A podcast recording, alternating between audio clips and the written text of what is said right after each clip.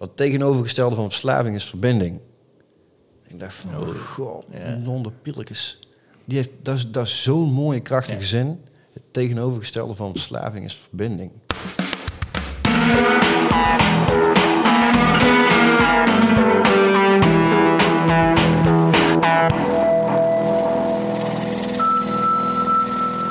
Welkom bij de Living Museum Recordings. Ja, welkom man. De eerste aflevering van de Living Museum Recordings. Een podium voor mooie mensen en een zoektocht naar herstel. En niet te vergeten...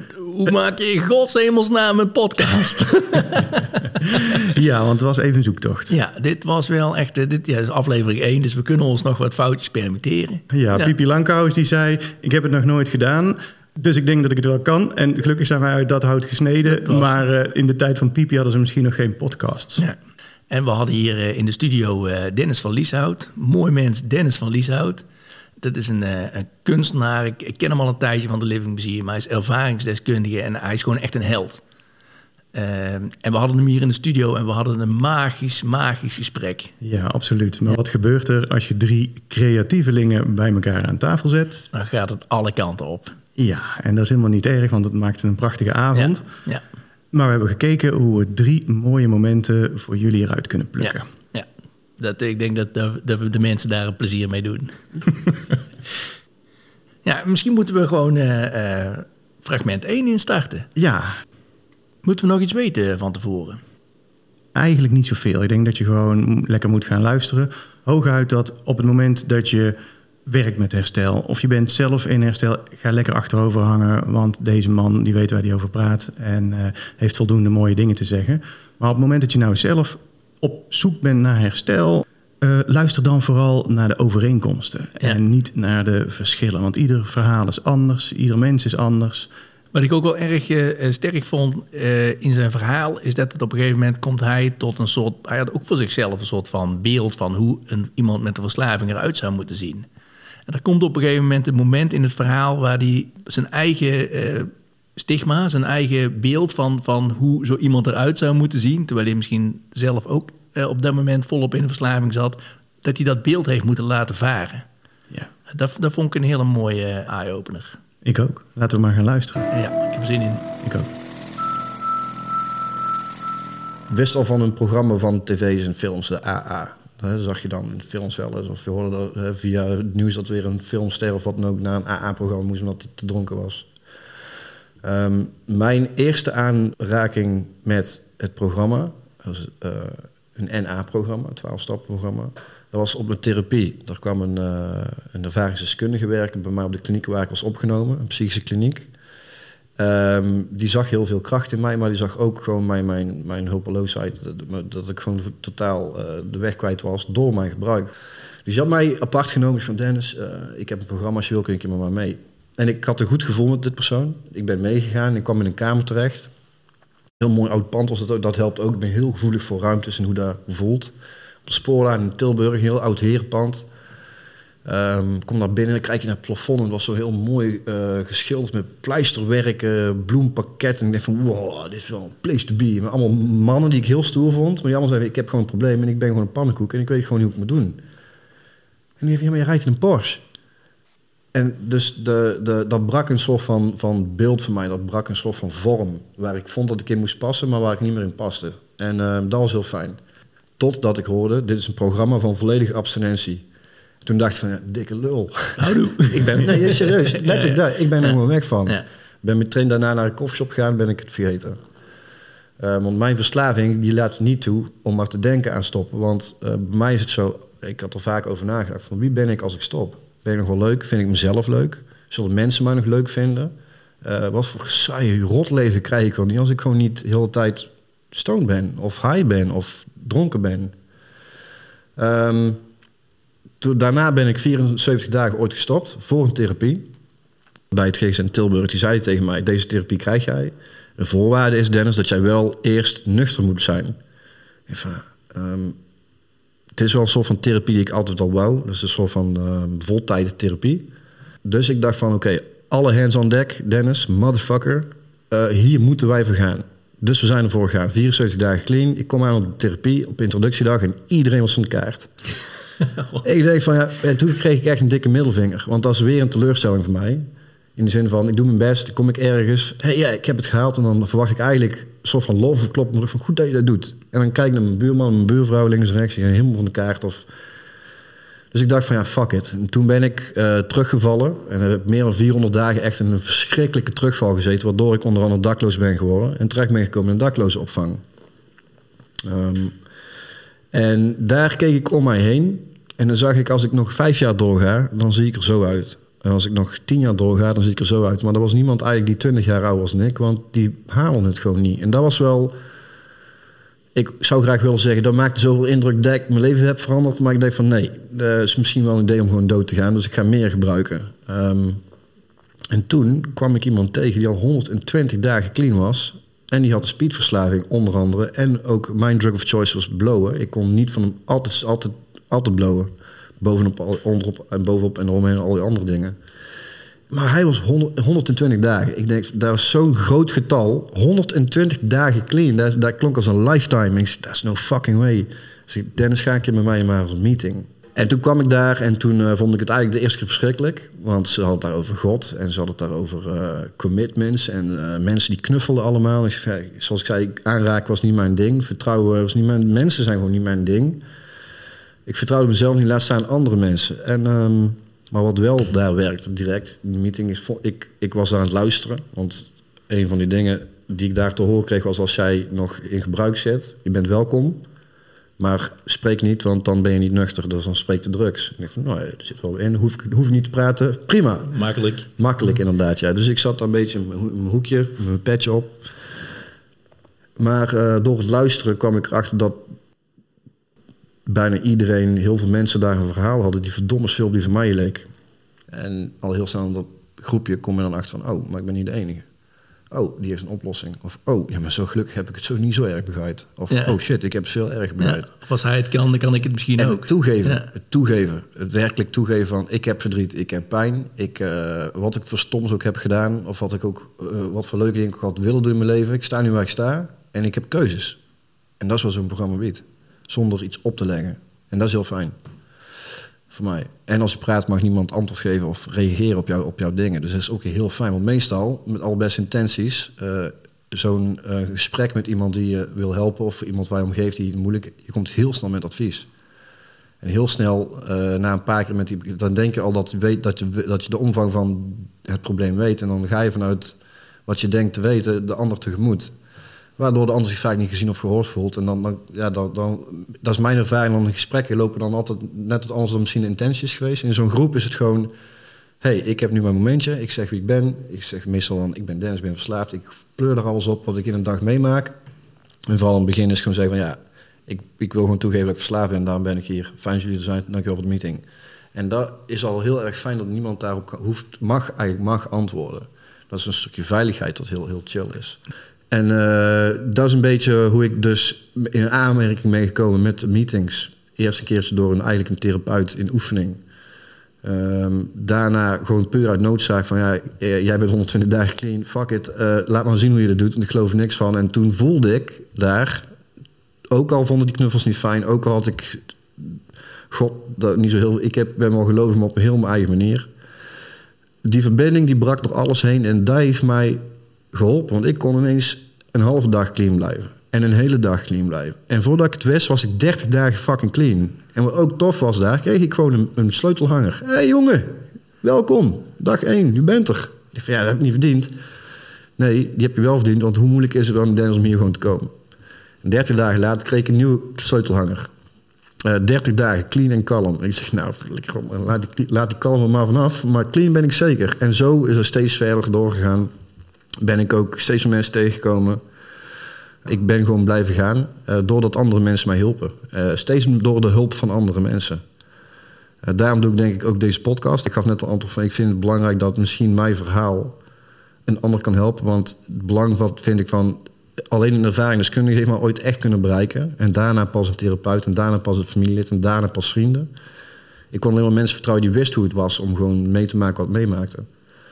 En ik hoop dat dan eh, ja, dat dit zo'n podcast en meerdere daar ook kunnen doen. Gewoon hoop bieden eigenlijk.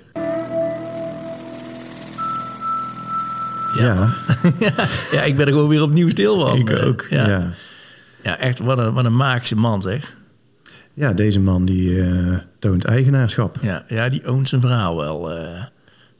Wat me vooral heel erg eh, eh, greep uit dit fragment, je, wat ik zelf ook wel herken nu in mijn eigen eh, proces, is dat hij op een gegeven moment vraagt van, vinden mensen mij nog wel leuk? En, en doe ik er nog wel toe? En wat, wat ga ik dan doen als ik nuchter ben? En ik heb ook wel echt een soort van bizarre reacties gekregen toen van, van mensen toen, ik, toen ze hoorden dat ik gestopt was met drinken.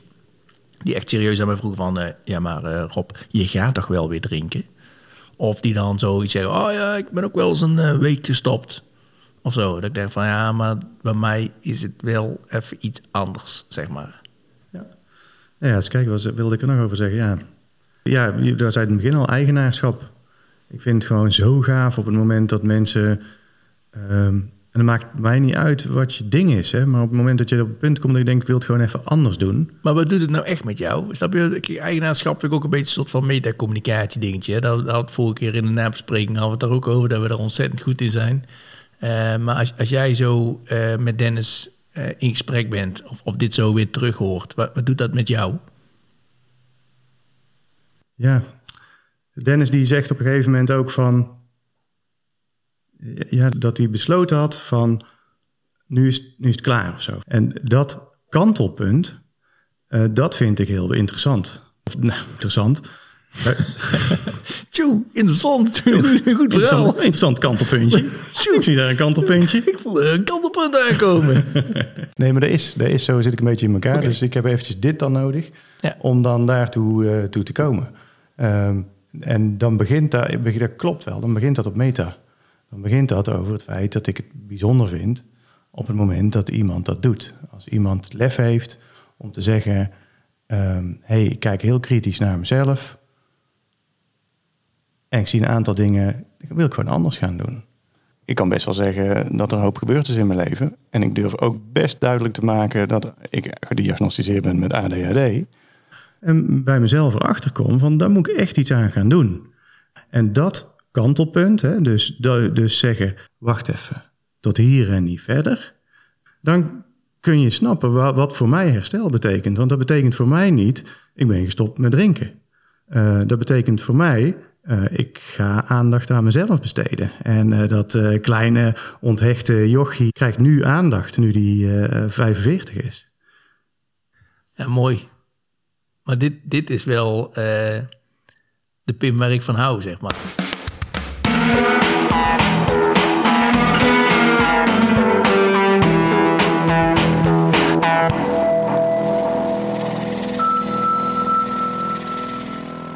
Ik heb een voorliefde voor letters. Letters, ehm, niet recht toe recht aan eh, blokletters of zo. Maar ik vind iets heel sierlijks in hoe letters zich verbinden. Ehm maakt niet of het nou Arabisch, Chinees, Mandarijn of weet ik wat dan ook, of gewoon onze standaard ABC. Ik heb een, een voorliefde, het- dat, dat zit diep in mij voor hoe letters zich verbinden. Overal vanaf het begin of op school al. Ehm, als je van, dan van een, een, een klein letter S naar een T gaat en dan naar een H, naar een G. Er is ook een crew die heet Love Letters. Of dat was een crew, ik weet niet of dat nog steeds zo is. Eh, maar daar heb ik ook echt als klein jongetje eh, hier in Tilburg was er bijvoorbeeld Lego en Conan. En die, ehm, eh, ja, die zag ik overal. Ik van, oh, dat vind ik zo vet. Ook, ook de spanning erbij van hoe doen die mensen? Ik heb nog nooit iemand anders zien doen. Hoe, het is overal. Hoe, hoe kan dat nou? En dan, oh ja, dat zal ze wel s'nachts doen. En mama, mag, nee, dat is vandalisme en dat mag je nooit doen. En ik zat met mijn stiftje als op een lantaarnpaal en werd ik helemaal door mijn moeder afgebracht van, niet doen.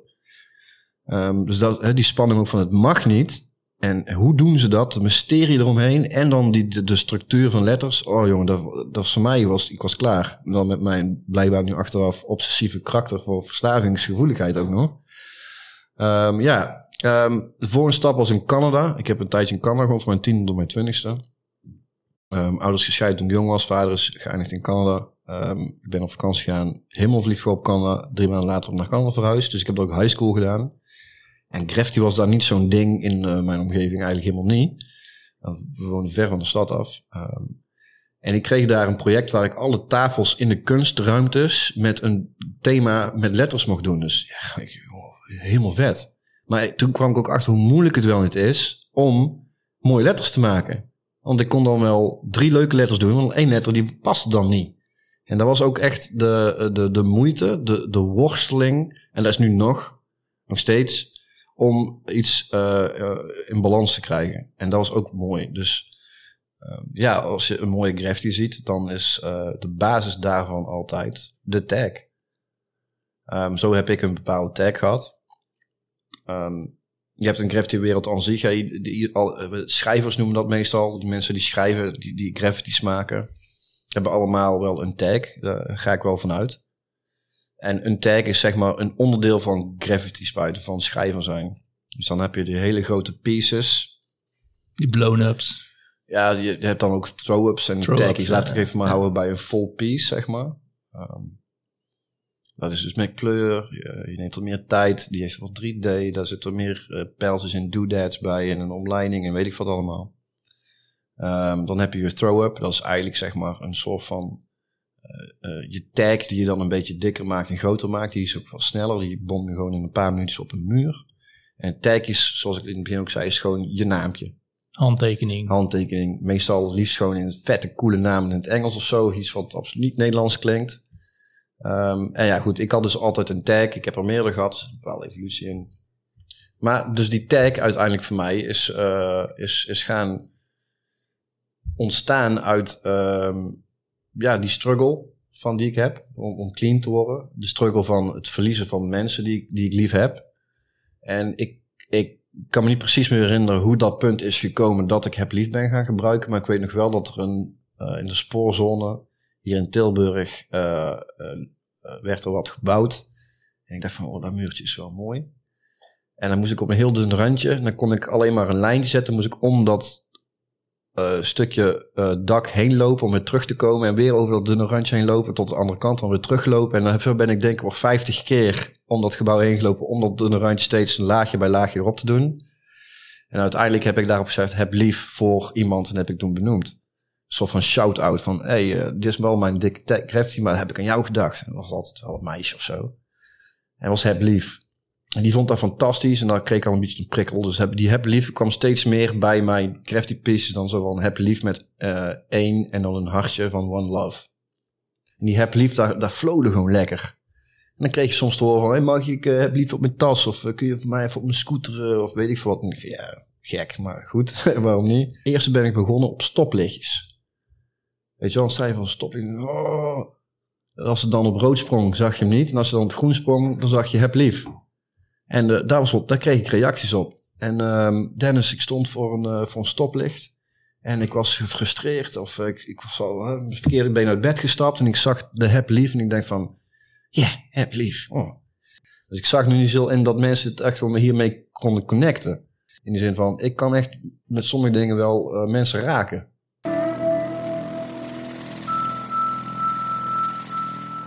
Ja man, dat kan niet zeker. Mensen raken.